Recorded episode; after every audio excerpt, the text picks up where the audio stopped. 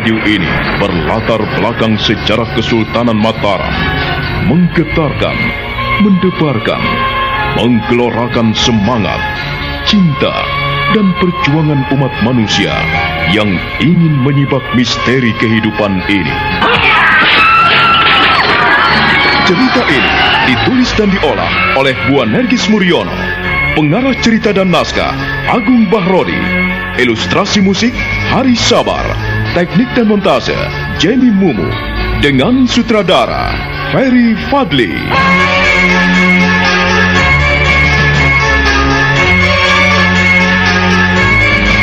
Wahyu Astabrata dalam episode pertama ini dengan judul Carita Adi Purwa.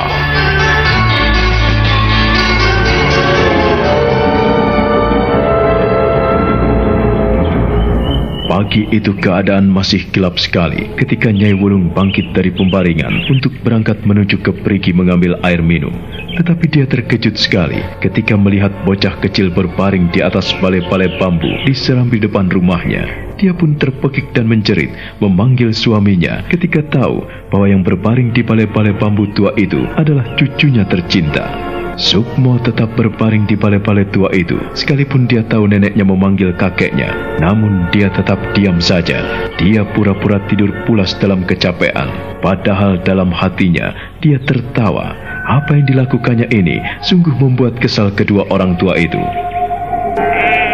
Kek, lihat ah, kek, lihat. Ah, ada apa? Hah? Ada apa, Nek? Ah, Pagi-pagi sekali kau teriak-teriak seperti orang tidak waras Kek, aja. lihat, lihatlah di sana itu cucumu. Hah? Sukmo? Oh, oh, mengapa ia terbaring di sini, Nek? Oh, alah, nger, nger. Nenekmu kau buat bingung tujuh keliling. Kakekmu kau buat kalang kabut. Ke mana saja kau selama ini pergi? Hmm? Oh, Allah, mengapa tidak membangunkan kakek dan nenekmu? Tetapi kau berbaring di sini dalam keadaan dingin tanpa selimut. Ah, minggirlah, Nek. Kau siapkan sana di tempat tidur. Biar aku menggendongnya. Aku akan membopongnya ke dalam. Kau kuat, kek. Eh, dia adalah cucuku. Bagaimana mungkin aku tidak kuat menggendongnya? Aku akan membopongnya seperti ketika ia masih bayi. Ah, Sukmo, Sukmo nger putuku, cucuku. Ah. Ah. Duh Gusti, matur nuwun. Sukmo nger cucuku. Ternyata kau sudah besar. Kakek hampir tidak kuat menggendongmu. Ah, Dengan sedikit membungkuk, Ki Wulung memondong cucunya dan membawanya ke dalam kamar. Sukmo kemudian dibaringkan di atas pembaringan yang beralaskan tikar pandan.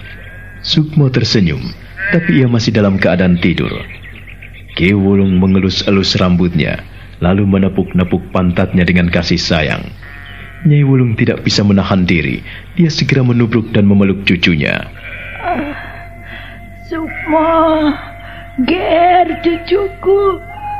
Mengapa kau selalu pergi, Ger? Kau tidak tahu nenek dan kakekmu pusing tujuh keliling. Sukmo, Sukmo, Ger, cucuku. Jangan pergi lagi, ya, Lagi. ah, sudahlah. Biarkan dia tidur. Dia pasti capek sekali. Lihatlah. Oh, kakinya dekil sekali. Ah, Nek, kau rebuskan air hangat. Lalu kau basuh kakinya yang pecah-pecah itu dengan lap. Ayo, cepat, Nek. Kasihan. Lihat, kakinya banyak tergores duri dan daun ilalang. Oh, biarkan dia tidur, Nek. Aku kangen sekali, kek. Aku kangen sekali. Di belakang tidak ada air. Tolong ambilkan air di perigi, kek. Oh, iya, iya, iya. Akan kuambilkan air di perigi. Ingat, Nek. Kalau dia nanti sudah bangun, kau jangan marah lagi. Siapa yang marah? Aku tidak marah. Ah, kalau tidak ya sudah, sudah. Jangan dipikir lagi. Jangan bikin perkara lagi dengan cucu kita. Dalam menghadapi anak kecil, kita memang harus sabar. Harus mengerti apa yang harus kita lakukan.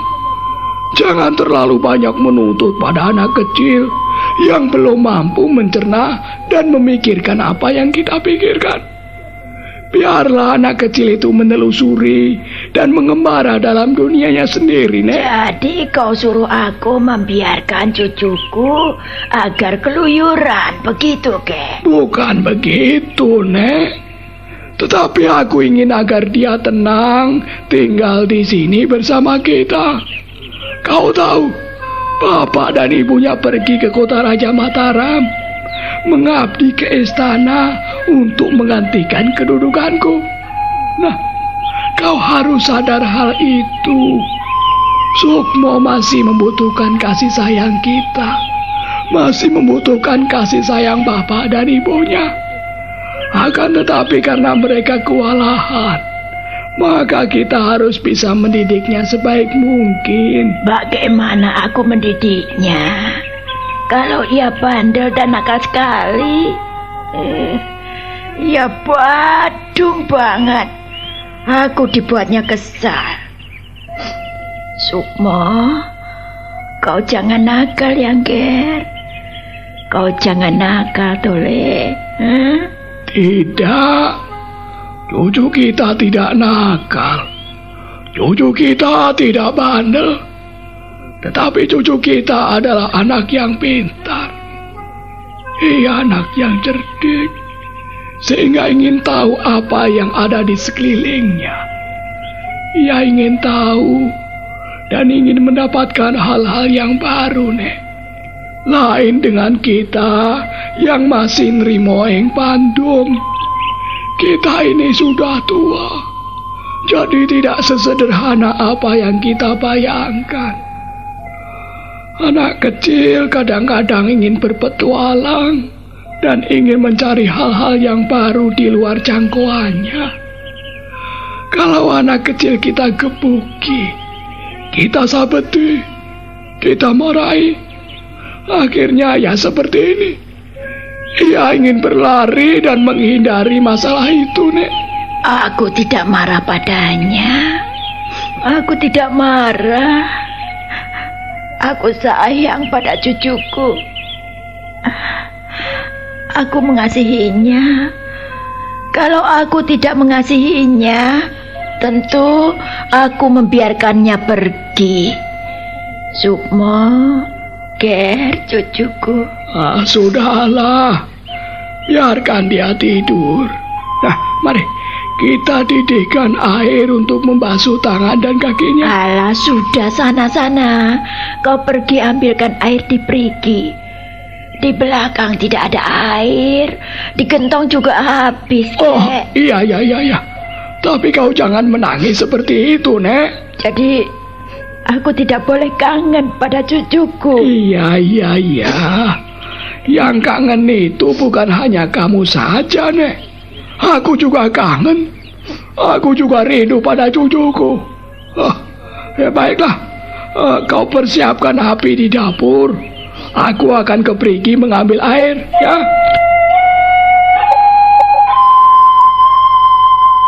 Ki Wulung segera meninggalkan cucu dan istrinya menuju ke perigi sambil membawa dua belangan di dalam pikulannya. Dia terus menuruni tebing yang curam terjal menuju ke mata air di dekat rumahnya. Sementara itu, Nyai Wulung mendekap cucunya dengan air mata berleleran di kedua pipinya yang mengeriput. Bibirnya bergetar tertahan dan bergetar terus membisikkan dan menyebut-nyebut nama cucunya yang dikasihinya. Dia memeluknya erat-erat. Ah, Sukmo. Ger, cucuku. Kau marah pada nenek. Kau marah pada kakek. Maafkan nenek jika nenek salah. Bukan maksud nenek memusuhimu dan menghajarmu. Tetapi itulah wujud kasih sayang nenek padamu, Ger. Nenek ingin agar kau menjadi anak yang baik, menjadi anak yang penurut, pintar dan pandai. Jangan yang ger, kau jangan pergi lagi. Kasihan nenek, kasihan kakek yang siang malam memikirkanmu. Ah, Sukmo, ger cucuku, jangan membuat kesal nenek ya. Jangan membuat kesal kakek. Bantulah kakek dan nenekmu. Bukan untuk kakek dan nenek, Ger. Tole cucuku. Tapi untuk masa depanmu. Demi kebaikanmu. Sungguh, Ger. Nenek tidak pernah bermaksud marah padamu. Apalagi memusuhimu. Sama sekali tidak pernah. Sayang. Apa artinya kasih sayang dan cinta bila hanya diucapkan di dalam lidah dan bibir? Oh, oh. Aku akan mencari diriku sendiri dan aku akan mencari jawabnya.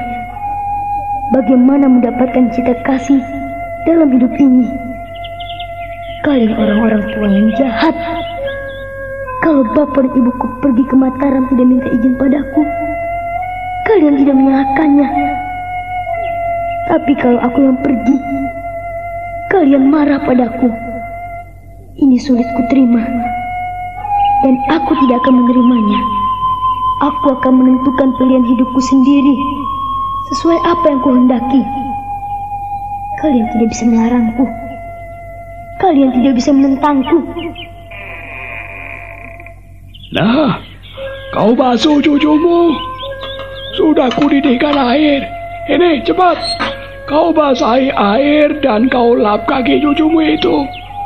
Oh, kasihan sekali. Ia nampaknya baru saja pulang dari perjalanan jauh. Kita yang lebih tua harus arif dan bijaksana, Nek. Kita tidak boleh mengikuti kemauan hati anak kecil sehingga kita pun berjiwa seperti anak kecil yang belum nalar dan belum mengerti apa sebetulnya yang dilakukan. Apakah itu baik atau tidak? Apakah itu benar atau salah? Kita yang sudah tua dan banyak makan asam garam, kita mestinya mengalah. Orang yang mengalah itu luhur di akhir nanti, Nek. Kau harus bisa mendidik cucu kita agar tidak menyimpan suatu dendam, ke. Aku tiba-tiba menjadi takut sekali. Takut? Kenapa mesti takut? Aku takut. Takut jika ia keras kepala dan menyimpan dendam dalam hatinya.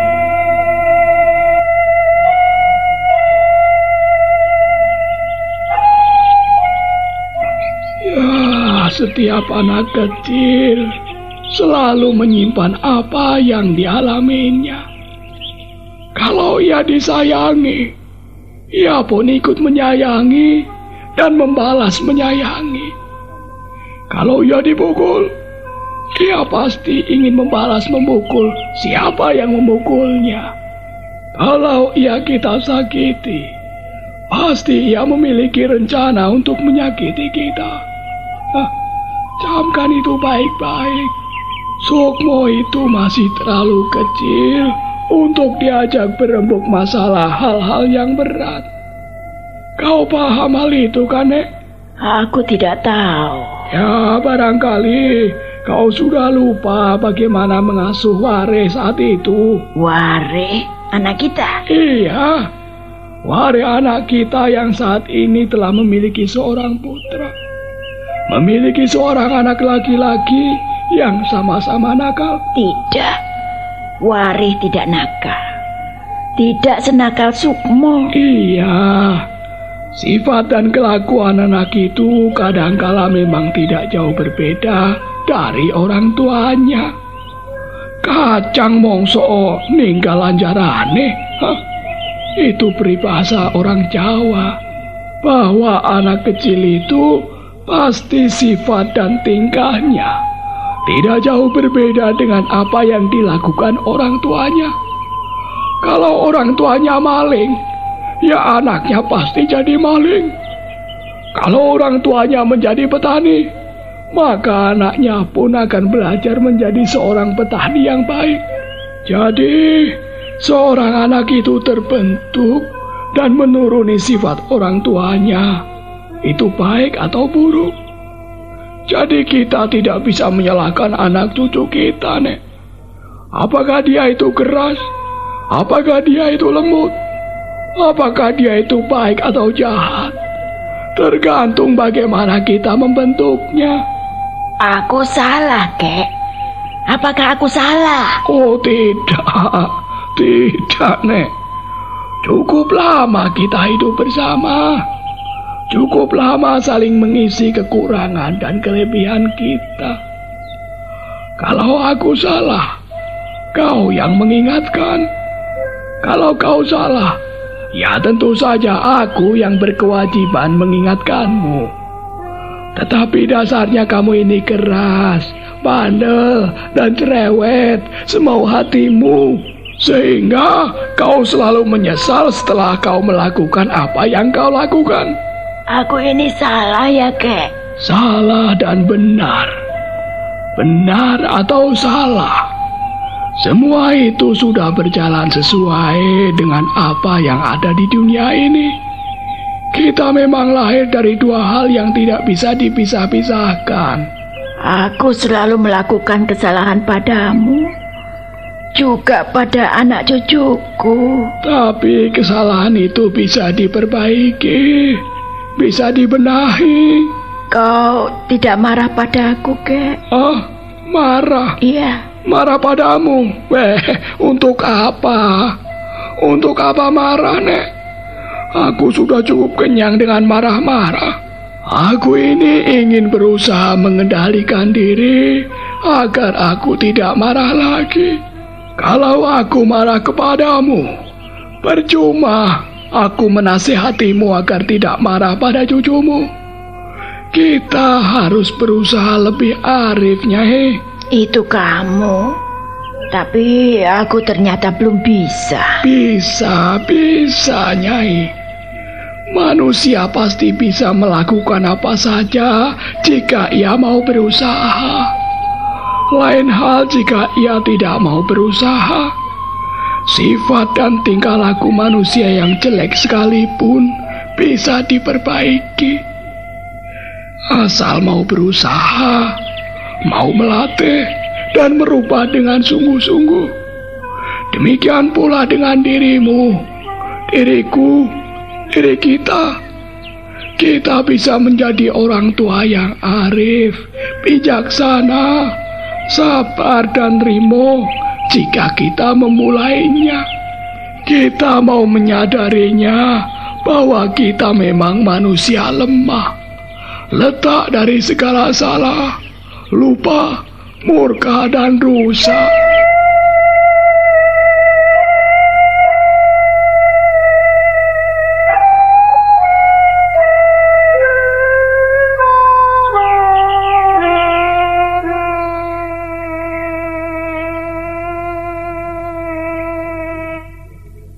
Nyai Wulung segera menuangkan air panas yang mendidih itu ke dalam periuk, lalu mencampurnya dengan air dingin. Air itu menjadi hangat dan suam-suam ketika dia mencelupkan tangannya ke dalam air itu. Perlahan-lahan dia mengangkat periuk berisi air hangat itu menuju ke tempat Sukmo berbaring. Lalu dia meletakkan periuk itu dekat kaki pembaringan. Sukmo masih nampak kelelahan dan tidur pula sekali, walaupun bocah itu sesungguhnya tidak tidur.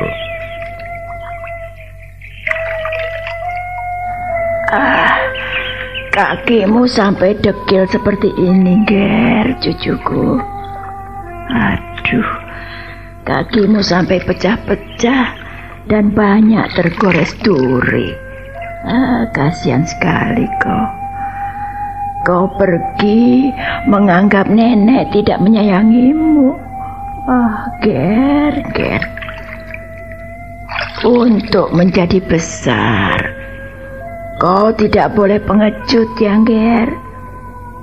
Menghindari persoalan yang ada di depanmu. Itu tidak baik. Nenek tidak marah kepadamu. Nenek tidak membencimu. Lihatlah, kalau nenek benci kepadamu, nenek tidak akan membasuhmu seperti ini. Bila nenek membencimu, tentu nenek tidak akan pernah mengharapkanmu kembali ke sini. Betapa nenek kangen, rindu sekali kepadamu. Sukmo, Kau dulu dilahirkan, ibumu bertaruh nyawa, hingga kau diberi nama Sukmo. Besok pagi, nenek dan kakekmu akan membuat jenang merah putih, bubur abang dan bubur putih. Namamu harus dirubah, Ger, supaya kau tidak nakal Kau tidak beling dan juga keluyuran. Sekarang tidurlah. Kaki dan tanganmu sudah bersih. Nenek akan mempersiapkan bubur merah dan bubur putih untuk merubah namamu supaya kau tidak menjadi anak nakal. Ah, Ger, untung kau tidak kaget. Ah, untung kau tidak kaget, Ger. Nenek menjatuhkan priuk ini, Ger. Ada apa, Nek? Priuknya jatuh, Kek. Pecah berantakan. Ya, sudah pecah. Mau diapakan lagi? Kalau ada uang, beli lagi gantinya. Segala sesuatu yang sudah terlanjur tidak bisa kita sesali, Nek. Iya, Kek. Aku mengerti. Sudahlah, kita bicara di belakang. Kasihan Sukmo, ia baru saja tidur. Ah, kau sudah basuh kaki dan tangannya, Nek? Iya, dia sudah kubasuh kaki dan tangannya. Wajahnya juga sudah kulap dengan air hangat. Lihatlah, semuanya sudah bersih. Hmm, ya. tidur pula sekali. Ya, ya, ya, ya, ya. Rasakan kau. Kalian memang perlu kuberi pelajaran agar kalian tidak sembrono dan gegabah padaku. Sukmo telah belajar dan berusaha melakukan kebaikan-kebaikan. Tetapi kalian sering kali menghakimi dan menyalahkan aku. Kalian tidak mau tahu hati dan perasaanku. aku akan selalu memberi pelajaran bagaimana untuk melakukan hal yang baik pada anak kecil seperti aku. Sukmo. Sukmo.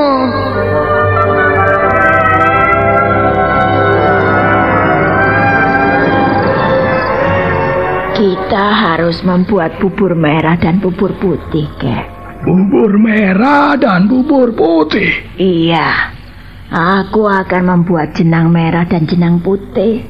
Nama Sukmo harus diubah. Aku menjadi khawatir apabila namanya tidak diubah.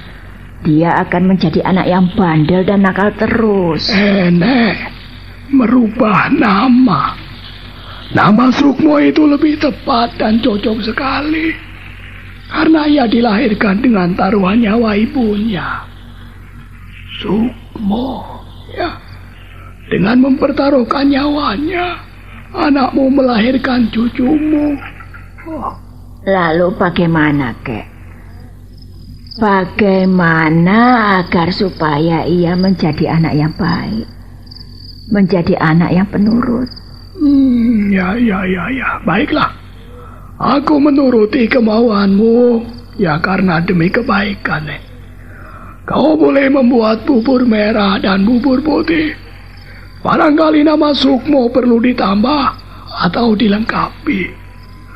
Ah, kau punya nama apa, Nyai? Hmm, bocah seperti itu uh, dikasih nama apa ya?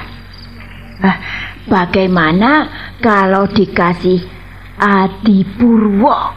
Adi Purwo? Oh, apa itu? Oh, Adi adalah baik.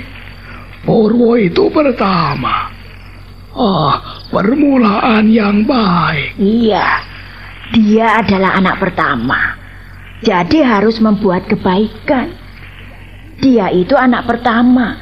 Jadi harus menjadi anak yang baik. Ah, Nek.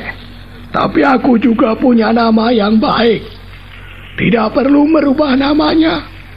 Tetapi aku ingin menambah satu kata nama di depannya, Nek. Apa itu, Kek? Dia perlu diberi nama Aji Sukmo. Aji Sukmo? Ya, Aji adalah sesuatu yang mulia, yang berharga.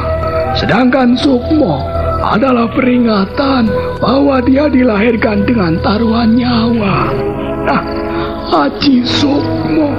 Hah, Tak ada yang lebih berarti di dunia ini selain nyawa manusia. Baiklah, aku setuju. Nama itu bagus, Aji Sukmo. Maka demikianlah, ketika Sukmo bangun dari pembaringan, di depan ruangan telah tersedia berbagai macam ubur rampe untuk upacara selamatan. Siang itu, Nyai Wulung telah mempersiapkan jadah sepasar. Jadah adalah makanan, sepasar adalah seluruh pasar. Jadi jadah sepasar artinya segala makanan dan kue-kue yang dia beli dari pasar. Segala macam makanan itu dia taruh di dalam tampah. Tampah adalah sebuah nyiru, suatu tempat yang dibuat dari anyaman bambu. Nyai Wulung meletakkan jadah sepasar di atas nyiru itu, lalu dia letakkan di atas tikar pandan di halaman tengah rumahnya. Di samping jadah sepasar, terdapat juga bubur merah dan bubur putih. Di dekatnya terdapat dupa dengan kemenyan yang belum dinyalakan. Dan ketika tahu Sukmo telah bangun dari tidurnya, maka kakek dan neneknya segera memanggilnya.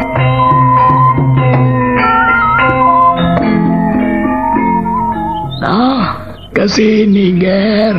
Mendekatlah ke sini. Ada apa, Kek?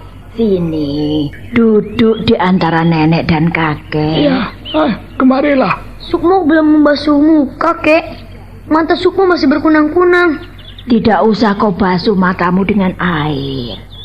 Basahilah dengan lidahmu. Dengan air ludahmu. Cucukkan ujung jarimu dan oleskan di kedua matamu. Kayak kucing, Nek. Ya, lakukanlah. Air ludah mengandung khasiat yang luar biasa, Sukmo. Lebih-lebih air ludah saat kita bangun tidur. Dengan menggunakan air ludah untuk membasahi matamu, maka matamu akan menjadi bening. Air ludah bisa menjadi obat yang manjur untuk mengobati segala penyakit, Ger. Lakukanlah apa yang dinasihatkan nenekmu.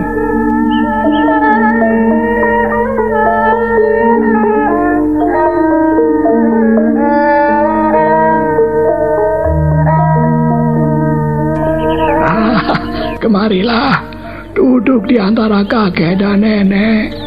Ah, kau tahu apa yang ada di depanmu, Sukmo? Hmm, iya, kek. Nah, kakek dan nenek tadi pagi pergi ke pasar untuk membeli jatah sepasar. Jatah sepasar di dalam tampah ini tidak ada artinya selain sebagai syarat. Lalu kembang boreh ini yang ada di pincuan. Ini pun sebagai syarat jatah sepasar adalah merupakan kelengkapan daripada keseluruhan bahwa dalam hidup kita akan senantiasa dipenuhi dengan kelimpahan dan kemurahan dari Gusti yang Maha Agung. Sedangkan kembang boreh adalah harum-haruman. Agar kita senantiasa melakukan yang harum, senantiasa melakukan kebaikan di dalam hidup kita. Kemudian dupo yang akan kakek nyalakan ini merupakan kelengkapan kemenyan yang kakek taruh di atas dupo ini. Kalau kakek nyalakan nanti, maka akan menimbulkan bau-bauan yang harum. Jadi, melengkapi kembang-kembangan itu. Nah, apabila kita melakukan kebaikan, maka akan jadi harumlah di sekeliling kita. Lalu bubur merah dan bubur putih ini adalah menunjukkan ketulusan dan kejujuran Bubur merah menandakan bahwa kita ini tidak lepas dari darah. Darah kita yang merah dan putih juga menunjukkan darah kita. Kita punya darah merah dan darah putih yang semuanya amat berguna buat kesehatan kita.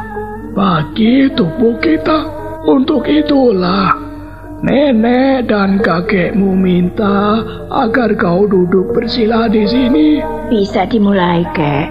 Lakukanlah. Ayah, coba kau taruh kemenyan itu di atas dupo Sukmo.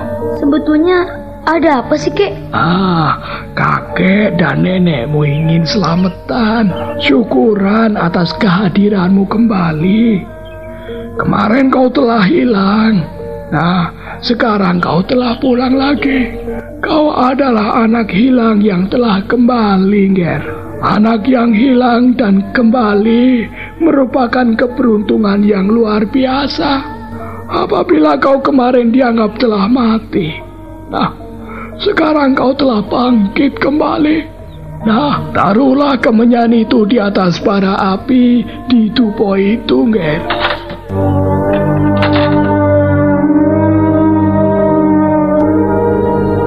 Kemarin kau sudah kuanggap mati, dan sekarang kau telah bangkit kembali, maka pada hari ini namamu akan kubah. Ku tambah menjadi Aji Sukmo. Aji Sukmo? Iya, Nger. Namamu sekarang adalah Aji Sukmo. Aji adalah sesuatu yang berharga. Sedangkan sukmo adalah nyawa. Tidak ada yang lebih berharga di dalam hidup manusia ini selain nyawanya, Ger. Aji Sukmo. Aku, aku akan menjadi pendekar Aji Sukmo. ya, ya. kau, kau akan menjadi pendekar besar Aji Sukmo. Tetapi kau tidak boleh nakal dan bandel lagi ya cucuku. Sukmo tidak pernah bandel dan nakal. Sukmo adalah anak baik. Iya, iya, iya. Kau tidak nakal. Kau tidak bandel. Aji Sukmo adalah seorang anak yang baik. Aji Sukmo adalah seorang anak yang pintar dan selalu menurut. Sukmo tidak pernah nakal kan, Kek? Sukmo tidak pernah bandel kan, Kek? Sukmo baik ya, Kek? Iya, iya, iya, Nger. Haji Sukmo adalah anak yang pintar dan baik hati. Anak yang selalu menurut pada bapak dan ibunya. Anak yang selalu menurut pada nasihat kakek dan neneknya. Ia adalah anak yang baik.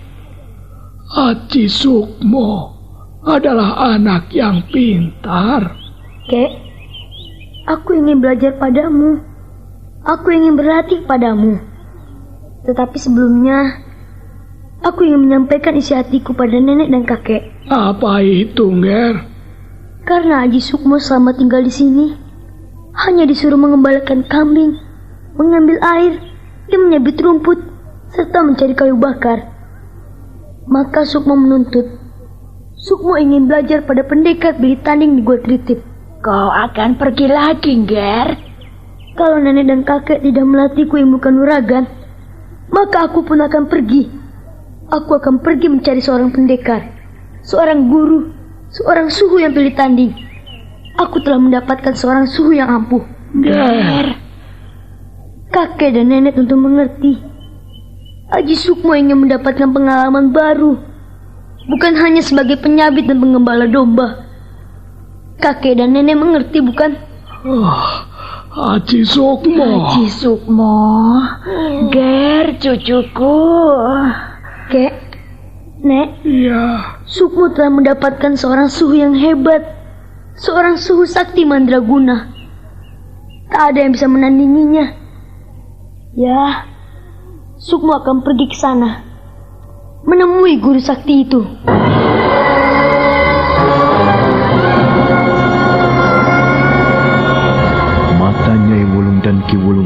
Terbelalak. Mereka terkejut sekali mendengarkan keputusan Aji Sukmo. Sukmo yang kini telah diberi nama Aji Sukmo bangkit dari tempat duduknya, berjalan sambil bersedekap seperti orang tua, seperti orang dewasa. Dadanya membusung dan dagunya terangkat, pandangannya menerawang ke depan. Kakek dan neneknya hanya bisa melongo dengan mata terbelalak. Betapa mereka melihat kelakuan cucunya itu nampak berubah seperti orang dewasa. Sementara dupa di depan mereka masih mengepul. Jadah sepasar pun telah dilingkupi asap dupa itu. Sukmo memandang nenek kakeknya dengan tatapan mata tajam.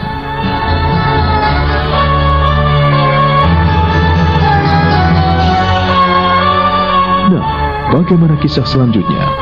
Saudara pendengar, silahkan menunggu kelanjutan kisah Wahyu Astabrata ini dalam seri berikutnya pada episode kedua yang akan datang dengan judul Sampur Jala Sutra. Tanggapan Anda kami tunggu selalu di Sanggar Cerita, Jalan Pasar Baru Timur nomor 22D dan E, Jakarta 10710. Sampai jumpa.